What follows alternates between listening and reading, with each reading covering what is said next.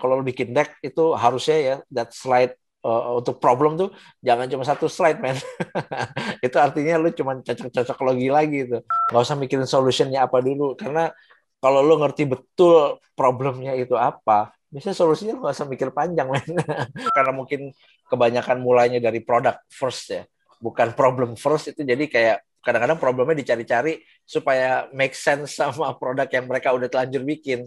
Jadi kayak kebalik gitu prosesnya bikin produknya dulu baru dicari masalahnya apa uh, again salah satu beliefnya kita itu adalah semua orang bisa jadi entrepreneur hmm. tapi entrepreneurship itu tidak buat semua orang don't be afraid of failing lah anggap aja tuh lo ngabisin jatah gagal lo Selamat datang di video podcast Startup Studio Indonesia X Impact 2. Startup Studio Indonesia adalah program intensif bagi early stage startup founders dari Kementerian Komunikasi dan Informatika. Dalam video podcast ini, saya, Italo Gani, partner dari Impact 2, akan menggali perspektif dan pengalaman dari para founders tech companies ternama di Indonesia di masa early stage. So, you will know what it takes to go the extra miles. Oke, selamat pagi, selamat datang di video podcast Startup Studio X Impact 2. Uh, kali ini kita akan diskusi langsung dengan narasumber kita yaitu Rama uh, untuk yaitu adalah beliau adalah CEO dan founder dari Daily Social yaitu ngebahas uh, mengenai um, ekosistem startup Indonesia langsung dengan um, orang yang cukup senior di industri udah lama di industri. Jadi kita akan tahu lebih banyak mengenai industri langsung dari dari mata seorang founder dari sebuah media startup ya. Mungkin Ram boleh introduce yourself uh, sama apa cerita tentang dirimu uh, when you start Daily Social? Boleh, boleh. So, uh, halo teman-teman, thank you Italo dan teman-teman dari Impact juga udah undang gue. Uh, so, saya Rama, founder dan CEO dari dailysocial.id, uh, sebuah media yang fokus ke uh, startup, teknologi, dan inovasi di Indonesia. Uh, kita dimulai, oh sebenarnya gue mulai uh, mulai ini sebagai side project sih dulu pas uh, tahun akhir kuliah di tahun 2008 uh, and waktu itu timingnya pas banget karena memang uh, lagi lagi mulai banget gitu ya. Tahun 2008 itu Tokopedia baru mulai Bukalapak baru mulai. Waktu itu masih toko bagus Kaskus juga lagi gede dan segala macam. So it was perfect timing uh, untuk gua mulai uh, dari sosial tahun 2010 kita dapat uh, seed dan uh, seed investment dan akhirnya gue bisa jadi full time di di social and and sekarang kita uh, we're actually a remote uh, 100% remote company sekarang tapi sebelum ini we have a, a, an office di Kemang uh, dan dan uh, apa uh, timnya lumayan uh, lumayan sedikit lah lumayan kecil nggak nggak terlalu banyak ada 40-an orang yang uh, tetap kita fokusnya memang ke ngebantu corporate corporate dan juga teman-teman founder teman-teman startup untuk bisa succeed di innovation industry. Oh jadi kantor Kemang yang gede itu dengan kolam renang kosong sekarang? Udah nggak lagi bro nggak nggak gue lanjutin akhirnya di situ. Ya, I think itu costly. Ya, padahal asik banget tuh kantor ya. iya, dan nggak pernah dipakai kan, jadinya kan tidak ada soal. Iya, iya, iya. Ya. So sebenarnya kalau kalau Ram, uh, uh, kalau boleh cerita dikit ya, daily social itu um, di ekosistem tuh seperti apa sih? How important media di dalam sebuah ekosistem gitu kan? Boleh cerita nggak sih uh, uh, tentang daily social? Um, ya nggak tahu ya eh, teman-teman dari industri sebenarnya menganggapnya seberapa penting tapi for us we take our job very very seriously karena menurut kita sebenarnya dari awal ketika kita mulai itu our value proposition sebenarnya kita punya angle eh, ketika kita nulis berita atau nge-review startup atau interview founder itu kita memang angle-nya memang nggak pernah sama sama media-media mainstream yang lain gitu ya. Um, ini mungkin kalau uh, apa dari pemilihan headline, terus apa yang ditanya gitu kadang-kadang suka suka beda lah ketika di sosial yang nanya dan teman-teman dari media mainstream yang nanya karena kan memang kita fokus banget, kita memang niche banget dan kita memang ditujukan untuk uh, yang baca kita tuh pengen orang-orang yang memang ngerti industri juga gitu loh, kayak kayak financial publication gitu kan. Itu kan pasti pertanyaannya very very specific sama di sosial juga sama sih. Di sisi lain kita juga pengen uh, kayak semacam memposisikan diri kita sebagai kayak semacam historiannya juga ya. Karena kita dari awal banget jadi kita kayak bisa mencatat uh, growth-nya industri seperti apa. Tapi gue selalu bilang sama tim kita itu bukan bukan reporter di pinggir lapangan yang yang cuma duduk manis dan menulis apa yang terjadi di lapangan. Tapi we want to be actively di lapangan and and move things uh, forward juga gitu loh. Makanya kita nggak nggak cuma nulis doang tapi banyak effort-effort kita yang lain itu benar-benar ngebantu startup fundraising, ngebantu nyari co-founder, ngebantu ngelalui mereka ke investor, uh, ngebantu investor nyari startup, dan mungkin yang yang yang yang dua tiga tahun terakhir ini kita banyak lakukan itu adalah uh, ngebantu uh, teman-teman dari corporate jadi perusahaan-perusahaan yang gede banking retail kayak gitu gitu untuk bisa ngerti dan bisa bisa apa ya I don't want to say ikut hype-nya tapi ini kan memang mereka punya value yang gede ya yang bisa ditambahkan ke startup jadi kita ngebantuin uh, companies corporate untuk engage sama the startup ecosystem sih gitu. Nah, boleh ceritain nggak apa uh, kan dari sosial ini ada ada consulting, ada report. Kalian juga sering larin report-report yang menarik gitu. Boleh ceritain sedikit uh, strukturnya dari sosial supaya uh, para founders itu ngerti apa itu dari sosial ya?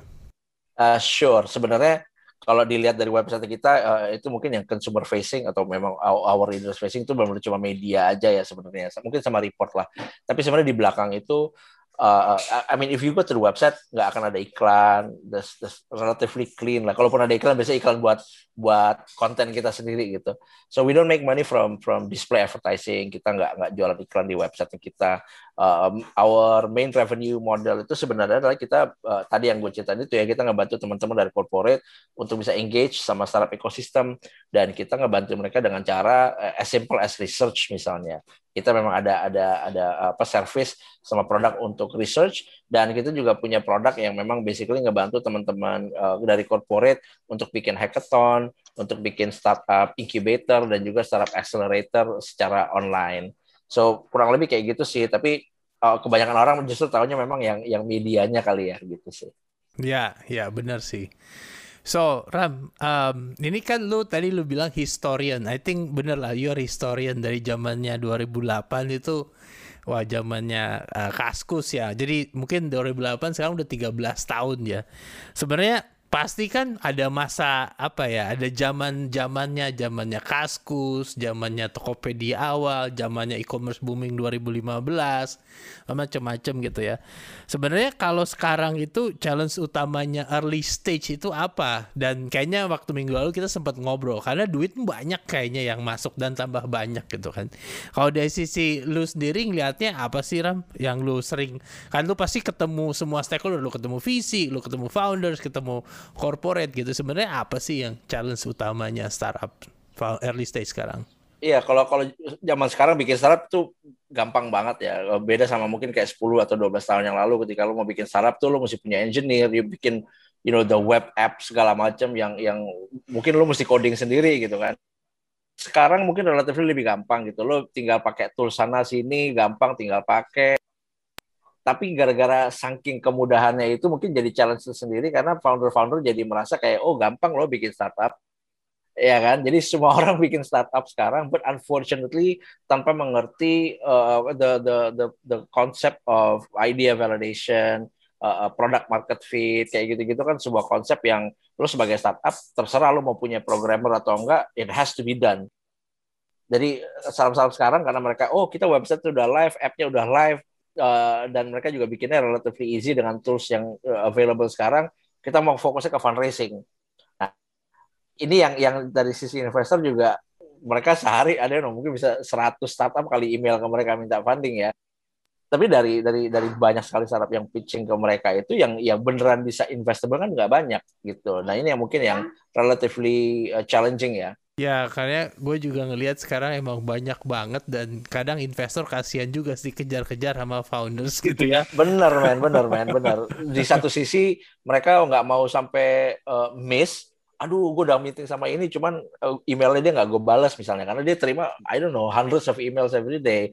Padahal yang ini tuh bagus banget, cuma gara-gara tenggelam sama noise yang lain gitu loh. Kan jadi jadi kasihan juga sih. So di di saat-saat seperti ini memang the, the biggest problem buat the startup ecosystem itu adalah uh, nemuin itu ya. Ya belum terkait nemuin emas di tumpukan sampah yang banyak gitu. Jadi you have to be very very careful dan dan apa ya again you don't want to miss the boat tapi you don't want to waste your time juga. I think that's one of the challenge yang yang startup juga hadapi sekarang. Gimana caranya lo nggak cuma jadi founder itu gampang lah. Kita tinggal ngomong sama Agus cetak kartu nama gitu kan.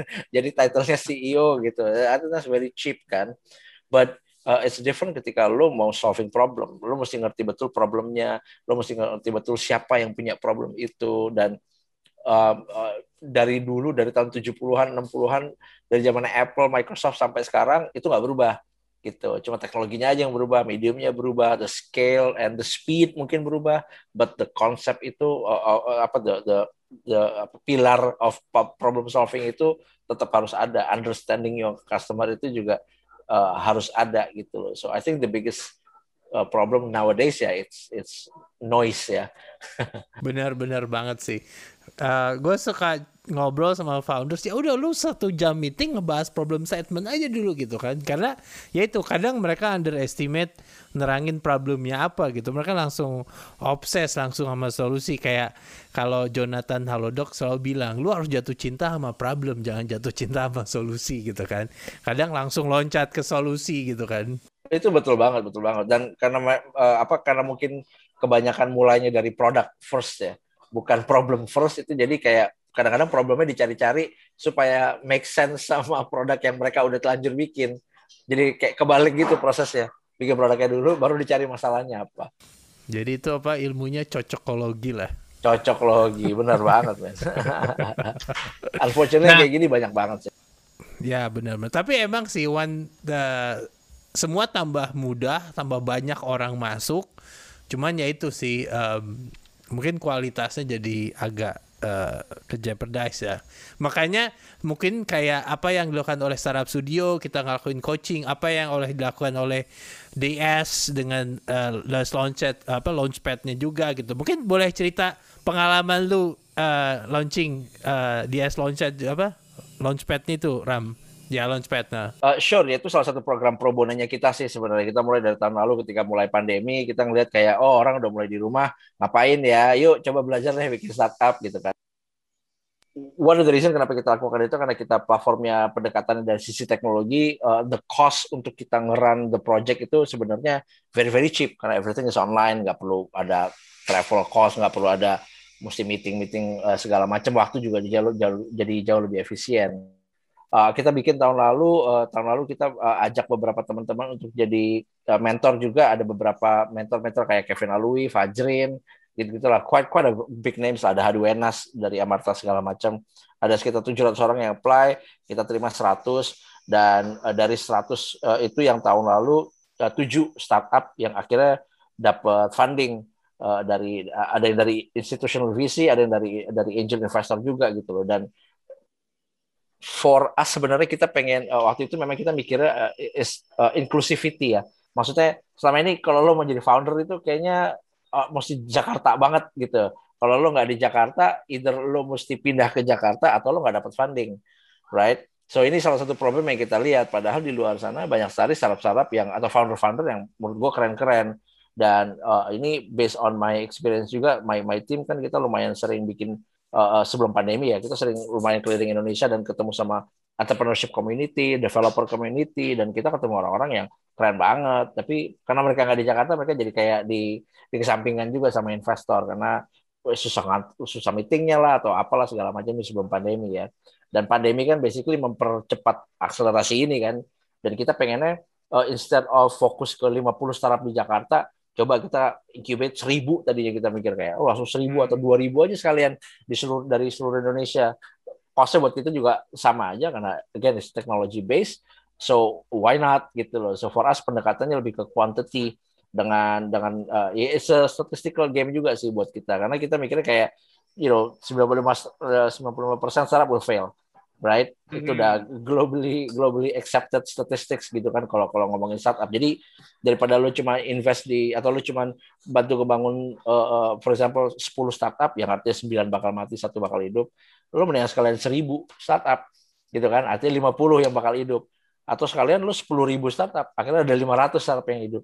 Kan gitu. Jadi so uh, uh, dari based on that statistics sih kita akhirnya yang penting banyak dulu orang yang yang yang tahu knowledge-nya gitu dan punya akses ke mentor dan uh, itu kenapa mentor-mentor kita juga ya alhamdulillah banyak banget dibantu sama teman-teman yang yang keren-keren kayak sekarang nih di launchpad kita yang ya, terakhir nih kita udah bikin ini batch ketiga sekarang yang batch hmm. ketiga ini uh, mentor itu ada ada Rahmat Kaimudin dari Bukalapak, ada Eka dari uh, CEO-nya Tarihab, uh, ada uh, apa Marian dari member.id, ada Bu Fei, CEO-nya Link Aja, ada Rulin, CEO-nya Logisri.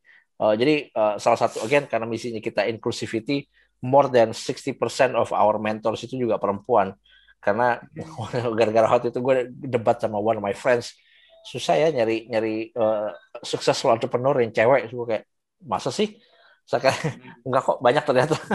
Jadi akhirnya 10 uh, 6 dari 10 mentor kita tuh uh, perempuan very very successful.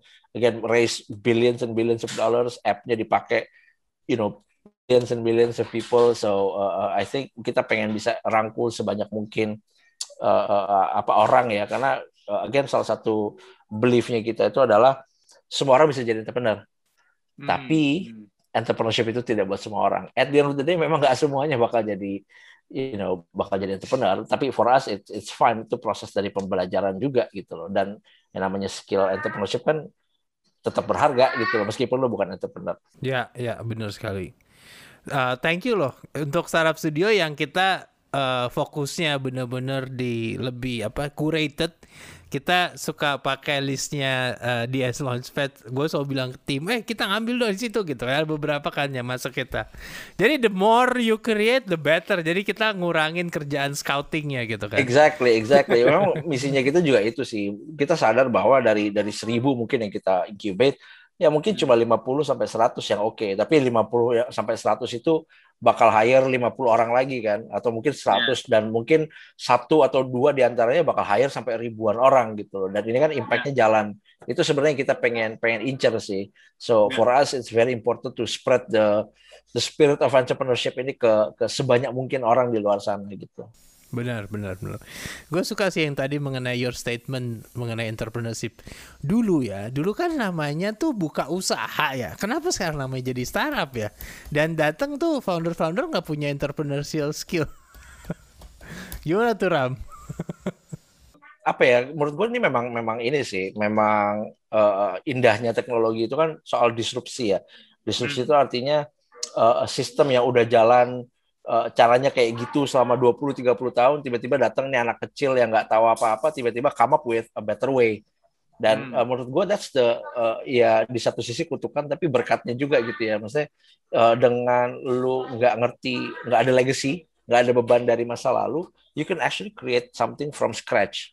Ketika hmm. teman-teman dari fintech tiba-tiba uh, for example gitu ya fintech tuh nggak akan bisa datang dari bank. It's very hard karena kenapa? Mereka udah mesti 20 tahun itu caranya mereka kerja begitu gitu kan. Udah ada framework of workingnya udah ada approval compliance risk management. Belum lagi urusan sama OJK nggak nggak bakal nggak bakal ke mana-mana gitu kan. Tapi anak-anak anak-anak muda ini kan uh, ya contohnya si si Nadim ya dengan dengan Gojek gitu. Dia nggak ngerti aturan transportasi nggak ngerti undang-undang nggak pernah running bisnis transport. Tapi dia ngeliatnya dari sudut pandang si customernya customer is very customer focus kan kalau perusahaan-perusahaan zaman sekarang gitu kan. So gue nggak peduli aturannya kayak gimana, birokrasinya kayak gimana. Gue dari sisi customer, gue maunya kayak gini, as simple as klik klik klik klik dan sampai dan gue bisa nyampe gitu. So itu yang menurut gue sebenarnya the role of anak muda yang nggak tahu apa-apa itu menurut gue is actually very very important gitu loh. Memang yeah. memang harusnya kayak gitu sih in my opinion. Malahan uh, kalau misalnya kayak ada orang gitu ya, mau gue mau launching fintech loh, oh gue udah partner gue udah 30 tahun di banking, gue malahan kayaknya sih mindsetnya makan mindset lama, jadi sebenarnya itu malahan nggak akan keluar the idea of uh, consumer centric kan, jadi malahan kalau orang dengan bang, oh partner gue 20 tahun di banking atau partner gue 20 tahun, 30 tahun di edukasi gitu kan ya kayak waktu Nadim jadi menteri kan semua doubt. Orang ini mana ngerti uh, pendidikan? Dia kan bukan background pendidikan. Karena nggak ada background pendidikan makanya kita harus keluar orang hal yang baru gitu kan. Harusnya di disruptnya gitu kan. Betul lo nggak bisa nggak disrupt something uh, uh, kalau yang nge-disrupt itu orang yang udah 30 tahun di industri yeah. itu susah sih. Benar benar. benar Nah sekarang kan Ram kalau gue ngeliatnya di industri itu kan ada trending kan ada masanya mungkin 2014, 15 trennya e-commerce, terus ada masanya uh, trending fintech, terus ada masanya trending edukasi gitu. Kalau sekarang lagi trennya apa ya? Uh, sekarang sih mungkin lebih banyak lagi banyak edukasi ya kalau gue lihat ya. Uh, okay. Jadi kalau mungkin dua tahun lalu it's all about fintech lah 2019, 2018, 19, 20 itu uh, fintech jadi jadi uh, apa uh, number one uh, yang dapat funding di di Indonesia tuh mereka nomor satu by far actually jauh yeah. banget gitu loh. Sekarang pun sebenarnya 2021 so far ya memang masih kelihatannya dominan dari dari sisi fintech tapi ada dua uh, up and comer yang menurut gue juga menarik nih yang pertama education karena memang education is a very large problem ya di Indo gitu dan dan tapi uh, apa memang kebanyakan nggak maksudnya education ini bukan maksudnya solving uh, sekolah ya tapi kadang-kadang ada juga yang fokus ke training right ada yang kayak gitu gitulah atau uh, upskilling yang kayak gitu gitu uh, tapi ada satu lagi yang menurut gue juga potensinya luar biasa besar dan growing very very fast dari tahun lalu sampai sekarang yaitu digitalisasi UKM SME ini kan market Bitcoin Oh ya. Gue pikir Bitcoin. Oke. Okay, no, okay. itu itu sempat gede kan sebenarnya dari tahun lalu kan. Cuma karena okay. the whole industry down thanks to Elon Musk sama Xi Jinping jadi the whole industry mulai kayak pelan-pelan udah mulai correction lagi. Tapi okay. itu keren sih, Bro, si si UKM ini ya. Itu okay. gila-gilaan. Company-company yang dapat funding pun juga banyak banget dan uh, uh, dan memang harus Indonesia gitu loh. Maksudnya sama kayak Gojek kan Gojek kalau di launch di market lain nggak nggak bakal jalan kan gitu. Dan dan ini very similar.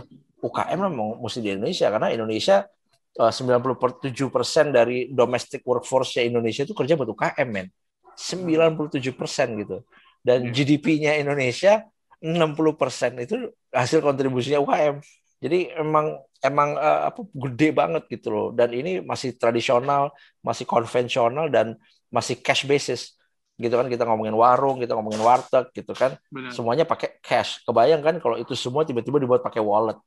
Yang tadinya sama kayak Gojek lah. Gojek kan tadinya nggak ada tuh yang namanya karyawan karyawan apa uh, pekerjaan apa di KTP supir ojek nggak ada kan. Hmm. sekarang actually itu benar yang yang tadinya nggak ketahuan shadow economy gitu ya sekarang yeah. jadi ketahuan exactly per hari masuknya berapa udah bayar pajak dan udah bisa jadi ekonomi sendiri Nah, jadi gue kebayang kalau ini bisa jadi di, diterapkan hal yang sama ke uh, ke warung, ke warteg, hmm. right? So ini kan yang yang banyak dilakukan oleh teman-teman juga uh, companies yeah. kayak Wahyu, kayak buku kas, buku warung, yeah. uh, dan dan banyak banget lah pokoknya yang yang masuk ke market ini gitu dan it's very similar to India sih. Uh, kalau kalau teman-teman mungkin merhatiin juga kayak maybe India tiga empat tahun yang lalu itu uh, digitalisasi UKM-nya lumayan lumayan gerak cepet dan basically udah mulai nular ke Indonesia dan uh, menurut gue timingnya pas karena you know sekarang yang namanya handphone smartphone itu bukan cuma buat you know orang-orang tech doang gitu kan. Benar-benar sekarang dari tukang ojek nelayan petani all the way up sampai presiden pun juga pakainya smartphone. Jadi uh, timingnya luar biasa sih sekarang untuk untuk bisa mendigitalkan orang-orang kayak gitu ya orang-orang hmm. yang di di UKM Ya. Ini ini hal yang yang menarik sih. Di satu pihak, satu sisi kita ngelihat pandemik ini banyak memakan korban, jadi emang sangat sangat sangat menyedihkan. Tapi di sisi lain melakukan sebuah transformasi digital ya, uh, yang lumayan apalagi di level UKM ya. Kalau gua lihat sih, actually baru tadi pagi uh, gua dan tim habis ngobrol sama Grady, foundersnya Moka gitu kan, pengalamannya dia di Moka gitu kan. Kan Moka itu kan uh, POS-nya sangat offline ya. Tiba-tiba dengan adanya ppkm kan banyak offline uh, store harus tutup. Makanya mereka nge-launching Go Store gitu kan. Dan mereka juga mereka kan waktu itu akuisisi Mitrans dengan Sally-nya. Jadi sekarang Grady juga incar untuk Sally yang Sally keyboard gitu kan. Nah satu hal yang menarik tadi diskusi tadi sebenarnya UKM ini kan uh, levelnya adalah mungkin sophistication atau apa uh, keseviannya mereka menggunakan internet kurang. Cuman gara-gara uh, sekarang dengan semua dipaksakan harus melakukan uh, remote based activity, gue bisanya remote based activity, maksudnya dari kerja, sekolah, arisan gitu kan. Jadi yang terjadi adalah belanja si si the uh, si keluarganya mereka yang biasanya biasanya nggak ngerti Zoom, kan kata Zoom ini jadi hal yang uh, apa sangat sering didengar untuk orang-orang awam. Karena biasanya kata zoom ini kan banyak hanya didengar hanya oleh uh, kita lah para apa para founders gitu kan. Tapi sekarang karena anaknya pakai zoom ibunya arisan pakai zoom gitu kan ibunya belanja. Jadi semua sekeluarga dipaksakan harus bisa remote base sehingga bapaknya yang dulu biasanya uh, Moka bilang si Grady bilang kita harus datengin orang sales gitu kan. Which is gue agak kaget waktu waktu berapa tahun lalu ngobrol sama Haryanto founder CEO-nya Moka bahwa mereka punya 300 orang sales. Tapi ternyata sekarang mereka banyak closing lewat Zoom gitu kan. Jadi kayaknya edukasi ini tuh sangat berdampak terhadap edukasi para UKM itu sendiri gitu kan. Nah, yang pertanyaan terbesarnya nanti after pandemic, apakah mereka balik lagi ke pingin didatengin orang sales atau tetap mau uh, tetap oke okay, mereka merasa um, di Zoom udah udah cukup lah itu yang yang pertanyaan besar. Karena itu yang mahalnya kan di situ kan. Benar, benar, benar banget. Dan uh, memang data dari dari Google juga sempat mereka sempat publish data uh, uh, lebih dari 90% orang itu tidak mau balik ke cara uh, cara yang sebelum pandemi. Ini data Google Indonesia nih Ram. Uh, Google Economy Report itu yang sama. Jadi that, maksudnya risetnya ke orang Indonesia. Uh, iya, actually ya. Oh, okay. uh, sorry, Southeast Asia ya, Southeast Asia ya. Tapi okay. termasuk Indonesia kok. Okay. Um, tapi menurut gue gini sih, menurut gue ini salah satu pertanyaan yang you don't really know the answer sampai nanti benar-benar kejadian nih pandeminya, you know, uh, uh, selesai nih terus lo yakin mau tetap kerja di rumah gitu kan? Now that you have the opportunity uh, lo yakin nggak mau makan-makan lagi sama teman-teman lo gitu kan? Dan, hmm. dan ini ini gue nggak tahu nih sekarang mungkin mereka mikirnya kayak nggak ah gue nggak mau balik lagi gitu tapi uh, itu tuh yang yang in my opinion pertanyaan yang mungkin agak uh, bukan bias ya tapi maksudnya kadang-kadang orang nggak tahu gitu loh mau jawab apa gitu. Dan dan most likely uh, apa meskipun most dari mereka 90% uh, lebih mereka menjawab gue nggak mau balik ke cara sebelumnya. Tapi nanti ketika pandemi selesai kemungkinan besar untuk mereka berubah tuh juga menurut gue masih ada. Dan ini sebenarnya kelihatan dari market-market kayak US ya. Di US itu sekarang udah ya mungkin teman-teman tahu juga konser udah udah udah normal udah biasa gitu kan. Nah, kalau nonton NBA juga uh, pertandingan juga orang-orang pada nonton kayak biasa nggak pakai masker. Gue rajin nonton baseball dan itu orang juga udah biasa nggak pakai masker. Ya itu something yang remains to be seen sih uh, terutama untuk market kayak Indo bak bakalan kayak gini atau enggak di Amerika tuh soalnya uh, di, di apa kemarin gue baca itu di di Wall Street banyak banyak uh, bankers yang gue mendingan resign daripada disuruh balik ke kantor jadi kalau gue nggak nggak boleh working from home, gue cabut aja, gue cari tempat lain yang memang allow me to work from home. Nah ini kan behavior yang menurut gue menarik ya, maksudnya uh, balance-nya gitu kayak gue kalaupun gue mau makan sama temen-temen gue, gue mau keluar. Atau gue mau nonton game, gue main nonton keluar, gue mau you know uh, I wanna nonton nah, nongkrong di di apa di bar misalnya gue bang keluar. Tapi kalau kerja gue di rumah aja gitu kan. So it's an interesting dynamic yang yang gue nggak nggak tahu sekarang mungkin orang bilang kayak gitu tapi nanti ketika itu kejadian benar they they might change their mindset. Ya. Yeah.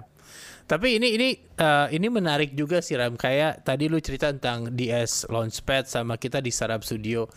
Kayaknya dengan adanya online ini ngasih kesempatan untuk orang-orang di daerah kan untuk bisa punya kesempatan yang sama ikutin program-program ini kan. Karena kalau nanti kita balik ke offline ya yang kita harus ketemuan segala macam satu ya effort mereka untuk traveling ke Jakarta gitu. Walaupun dibayarin atau something kan tetap lah pasti mereka punya aktivitas apalagi mereka run companies. Jadi hopefully uh, coaching-coaching ini tetap ada di di online fully online. Karena mungkin secara di Indonesia pemerataan apa ya uh, coach atau pemerataan edukasi startup ini masih masih kurang ya.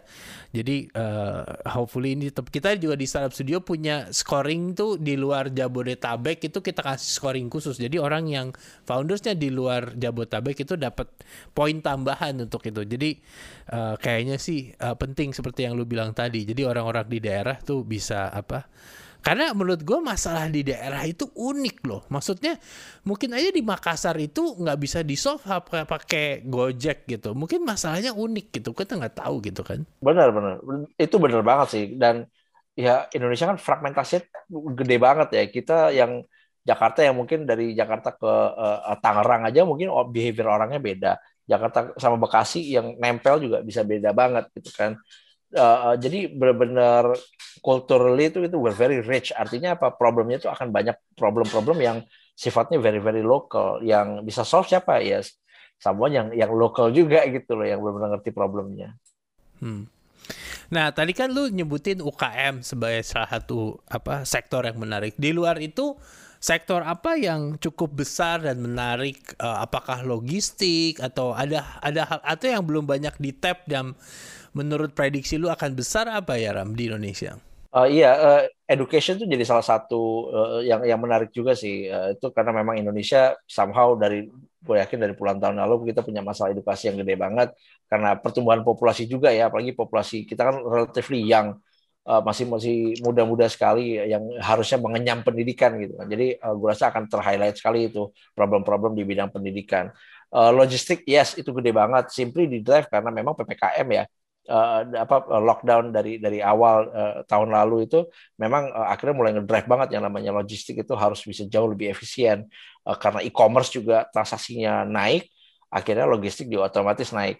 Nah ini juga satu tren yang yang yang ya mungkin kelihatan juga ya kalau rajin-rajin baca uh, apa baca-baca berita gitu ya kayak di daily social gitu kayaknya sebulan tuh ada ada dua atau tiga startup logistik yang dapat funding gitu. Jadi it's pretty exciting uh, the other one mungkin uh, kayak health ya health technology itu juga jadi salah satu uh, hal yang growing juga sekarang uh, again karena pembatasan uh, jarak sosial ini juga uh, jadi salah satu trigger akhirnya banyak banyak orang yang memilih untuk jalur-jalur digital atau jalur telehealth untuk bisa uh, bisa ketemu sama dokter gitu ya. Uh, tapi again yang namanya health ini kan is a very highly regulated industry ya, either mesti izin sama Depkes atau sama Badan POM atau sama, uh, mesti konsultasi sama ID dan segala macam. Jadi relatively lebih susah lah untuk untuk bikin uh, startup di, di di bidang ini di bidang kesehatan gitu ya. Tapi so far sih memang kayaknya ada beberapa teman-teman startup juga yang memang uh, uh, very passionate about this industry ya. Mungkin terinspirasi dari Jonathan juga dari Halodoc. Uh, problemnya gede, artinya bisnis opportunity-nya juga gede gitu sih. Gua gua merasa uh, kita tuh sangat beruntung dengan adanya startup-startup seperti ini sih.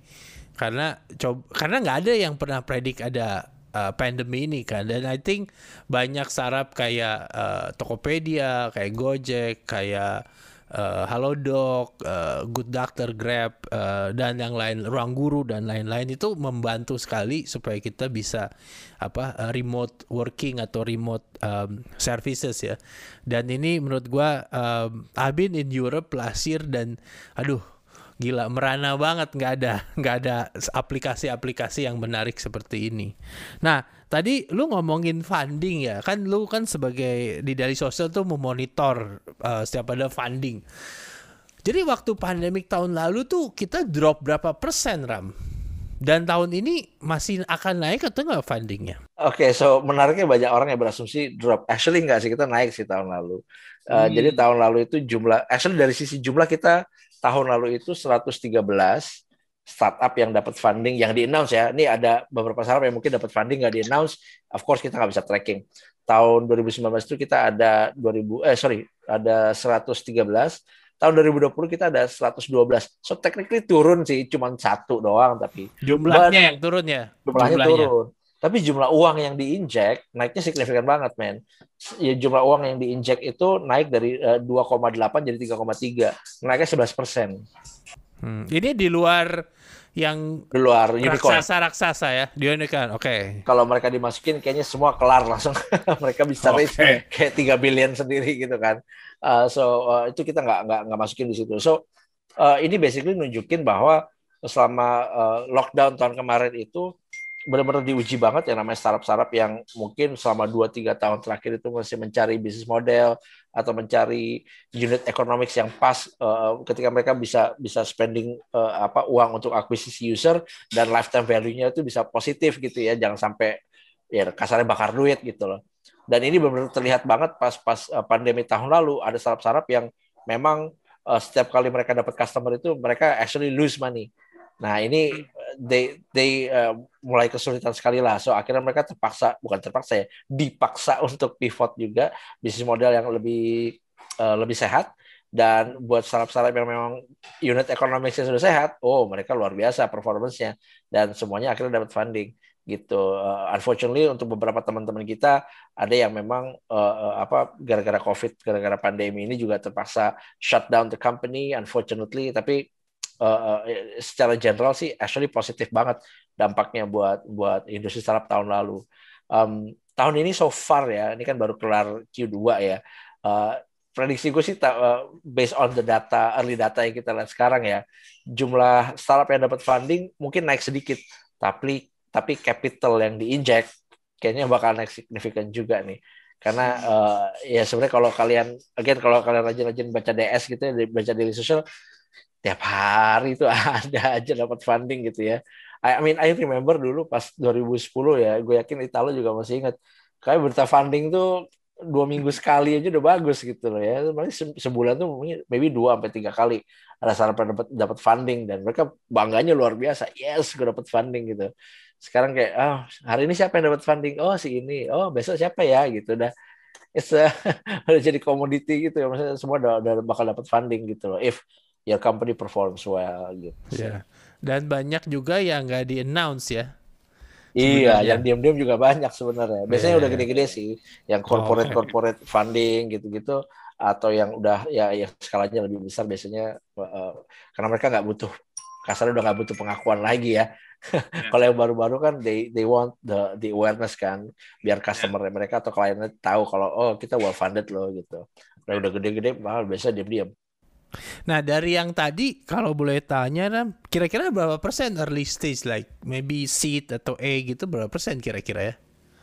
So dari 2018, 19, 20, 2021 itu so far ya kalau yang 2021 so far itu proporsinya kurang lebih sama sih antara 45 sampai 50 persen. Hmm. So almost half ya, almost half itu didominasi dari dari early stage uh, startup. And this is a very good sign uh, untuk sebuah industri ya. Artinya gedenya di bawah gitu, kayak piramid kan, gedenya di bawah yang early stage dapat banyak funding.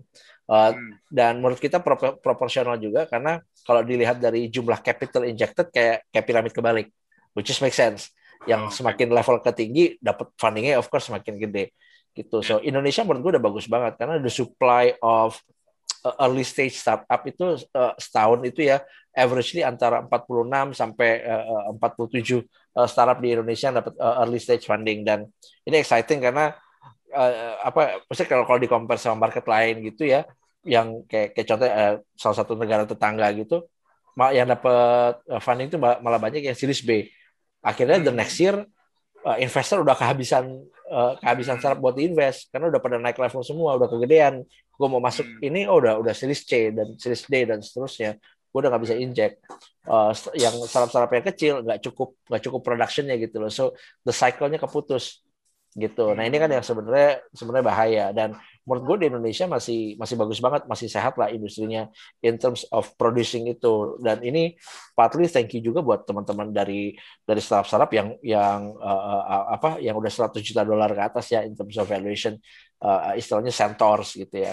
Jadi uh, antara uh, nggak cuma unicorn gitu. Jadi sekarang tuh cycle-nya kalau kerja buat unicorn dapat uh, dapat role yang lumayan bagus, dapat gaji yang lumayan banyak, and then lo resign bikin startup based on karena gaji lo sebelumnya udah gede, lo punya tabungan enam bulan buat start your own company, and then grow dapat funding dari situ karena lo ex unicorn atau ex you know all these uh, uh, apa startup companies gitu ya.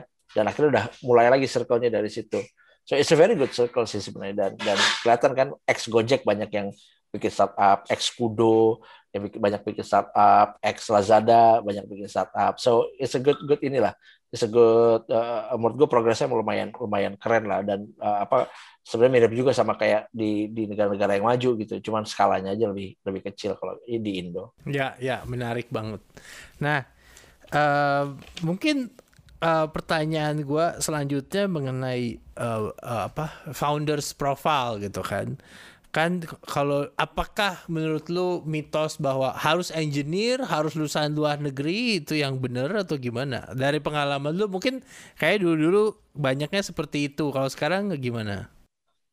Iya pasti sampai sekarang masih banyak lah profilnya. Kayaknya uh, mungkin nggak nggak semua ya obviously ya. Tapi uh, majority mungkin yang tipe-tipenya yang yang kayak gitu ya. Kuliah di luar negeri uh, consultancy company MBA gitu-gitu ya. Dan akhirnya pulang ke Indonesia bikin startup dan udah well funded.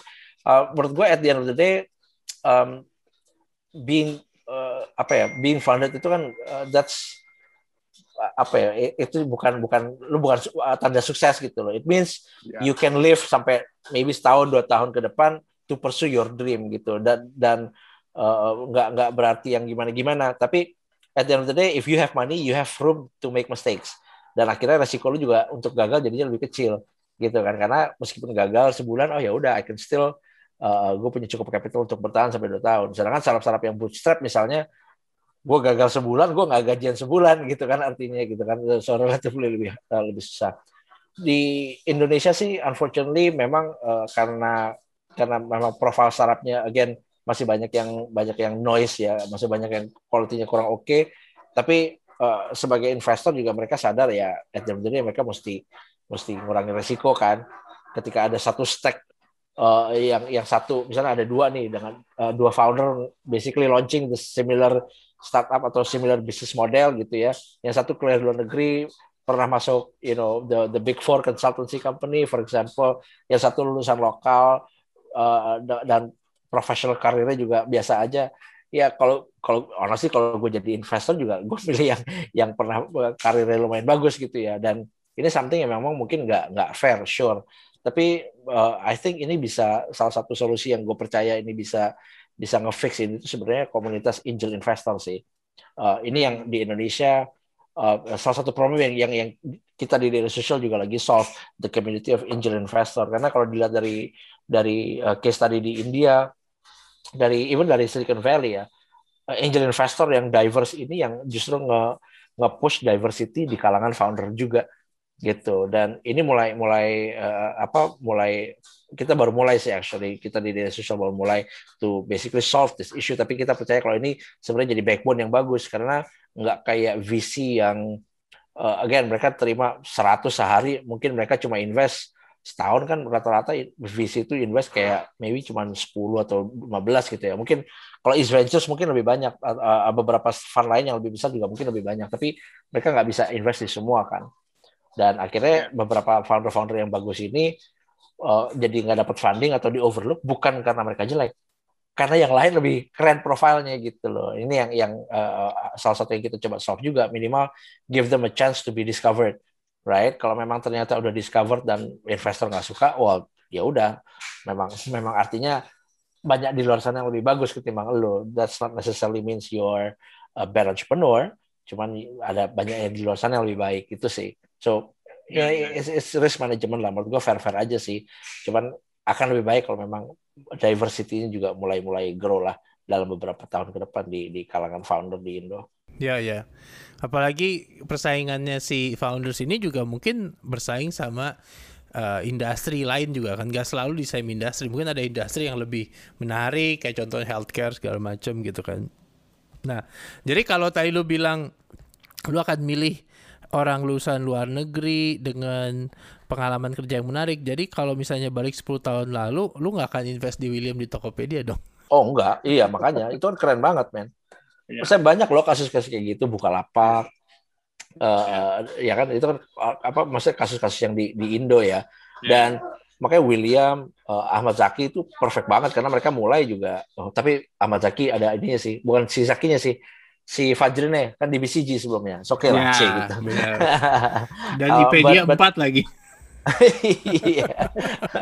Waktu itu mungkin belum banyak ya. Basically lu cuma milih gue bisa invest either di Tokopedia atau di Bukalapak gitu kan. Ya, ya, benar, uh, benar, pemainnya benar. masih sedikit. Kalau sekarang benar. pemainnya banyak gitu loh. So yang paling gampang ya ya udah bikin dipisahin coba yang kuliah di luar negeri sama yang kuliah di dalam negeri ya, gitu ya, ya. kan. So uh, ya itu sih I think that's one problem yang kita juga uh, coba solve. Kita sadar kalau ini bukan masalah nggak adil nggak adil ya.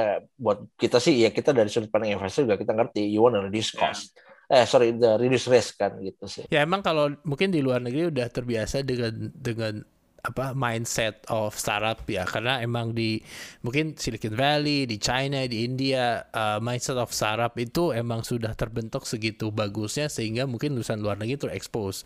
I think Indonesia ini kan market yang masih baru, very potensial gitu, market yang masih baru banget menurut gua industrinya jadi ya masih dalam tahap apa ya uh, kita being more mature gitu kan. Uh, satu hal tapi Indonesia tuh mena menarik banget. Gua inget salah satu uh, pitch uh, atau satu decknya uh, Wilson dari East Ventures itu gambar Indonesia sekarang itu kayak ketapel. Jadi kita ketahan nih gara-gara COVID. Tapi potensialnya segitu besar gitu kan. One pandemic selesai kita akan buat gitu kan. Dan itu sesuai dengan prediksi orang-orang yang ekonomi Indonesia akan gede maybe di 2030, 2035. Jadi menurut gua ini saatnya bener banget untuk kita apa menciptakan sebuah uh, real product sehingga apa um, uh, kita akan bisa growing very fast di maybe couple uh, berapa tahun ke depan lah. Oke, okay, gue bahkan kayaknya... efeknya bisa kelihatan lebih cepat sih. Kayak India gitu, India buat empat bulan lalu lagi kacau luar biasa kan. Yeah, Tapi kalau yeah. lo perhatiin kayak dua bulan terakhir, wow fundingnya gila-gilaan bro. It's yeah. insane gitu. Dan ini benar-benar literally berasa begitu Delta itu di sana udah selesai, bukan selesai misalnya udah ngedrop jauh, langsung ekonominya ngebut banget gitu loh yang sama ini ketahan kan. Jadi yeah. feeling gue Indonesia juga bakalan sama sih. Begitu Delta ini udah agak ketahan dikit, harusnya bakal nggak bisa ngebut lagi. So founders tolong siapin produk-produk uh, brilian yang sangat pro terhadap problem sehingga apa akan menarik uh, ekosistem kita. Mungkin uh, ini udah uh, apa pertanyaan terakhir dari gua uh, Ram, mungkin ya lo bisa ngasih ujangan kepada founders di Startup Studio uh, podcast uh, kali ini. Silakan Ram. Um, ya um, ada dua sih. Yang pertama mungkin benar-benar itu tadi yang tadi tadi si Italo juga sempat mention dari dari Jonathan ya CEO-nya Halodoc itu benar banget. Be very very obsessed with the problem. Nggak usah mikirin solutionnya apa dulu karena kalau lo ngerti betul problemnya itu apa biasanya solusinya lo nggak usah mikir panjang men.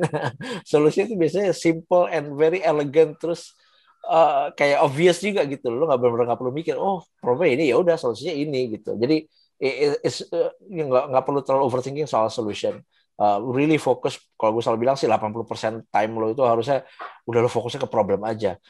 Ya, kalau apa ya kalau lo bikin deck itu harusnya ya that slide uh, untuk problem tuh jangan cuma satu slide man itu artinya lo cuma cocok-cocok logi lagi itu uh, uh, you know artinya apa ya terutama kalau startup-startup yang founder yang uh, early stage ya itu kan memang semua investor juga pasti ngeliatnya what's the problem you are solving and do you understand the problem or not. Itu yang yang pertama sih, be obsessed with the problem. Yang kedua is my favorite uh, wejangan dari uh, my my business mentor juga nih Pak Pak Didi Nugraha uh, foundernya hmm. detik.com ya. Dia dia dulu pernah bilang ke gue gini yang sampai sekarang gue nempel dan gue selalu sharing ini. Setiap orang itu punya jatah gagal habiskan jatahmu selagi muda gitu. So uh, itu gue tanamkan dalam hati. Jadi uh, apa don't be afraid of failing lah. Anggap aja tuh lo ngabisin jatah gagal lo. Bener banget saldo gagal abisin sehingga lu jadi sukses gitu kan. Kalau lu nggak pernah make mistake saldonya nggak bisa habis kapan jadi sukses gitu kan. Betul banget. Bener banget.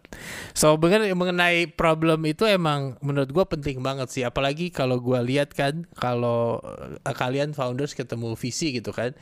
I think the first three minutes itu penting banget which is the first deck is about problem. Kalau lu nggak create aha moment biasanya visi akan udah nggak fokus lagi ke kalian. Apalagi setelah dia mungkin lu adalah meeting ke 10 hari itu gitu kan. So the aha moment the three the first three minutes is very important. So thank you Ram for the uh, apa very interesting conversation. Terima kasih banyak uh, untuk bisa uh, bicara di video podcast Sarap Studio X Impact 2 semoga kita nanti bisa buat lagi ngobrol lagi mungkin after pandemic with the new challenge ya. Thank you Rama Thank you for having me, Talo dan teman-teman dari Startup Studio dan Impacto. Ya, yeah. thank you. Sehat-sehat selalu, Ram. Terima kasih sudah menyaksikan video podcast kami. Jangan lupa ikutin semua social media Startup Studio Indonesia.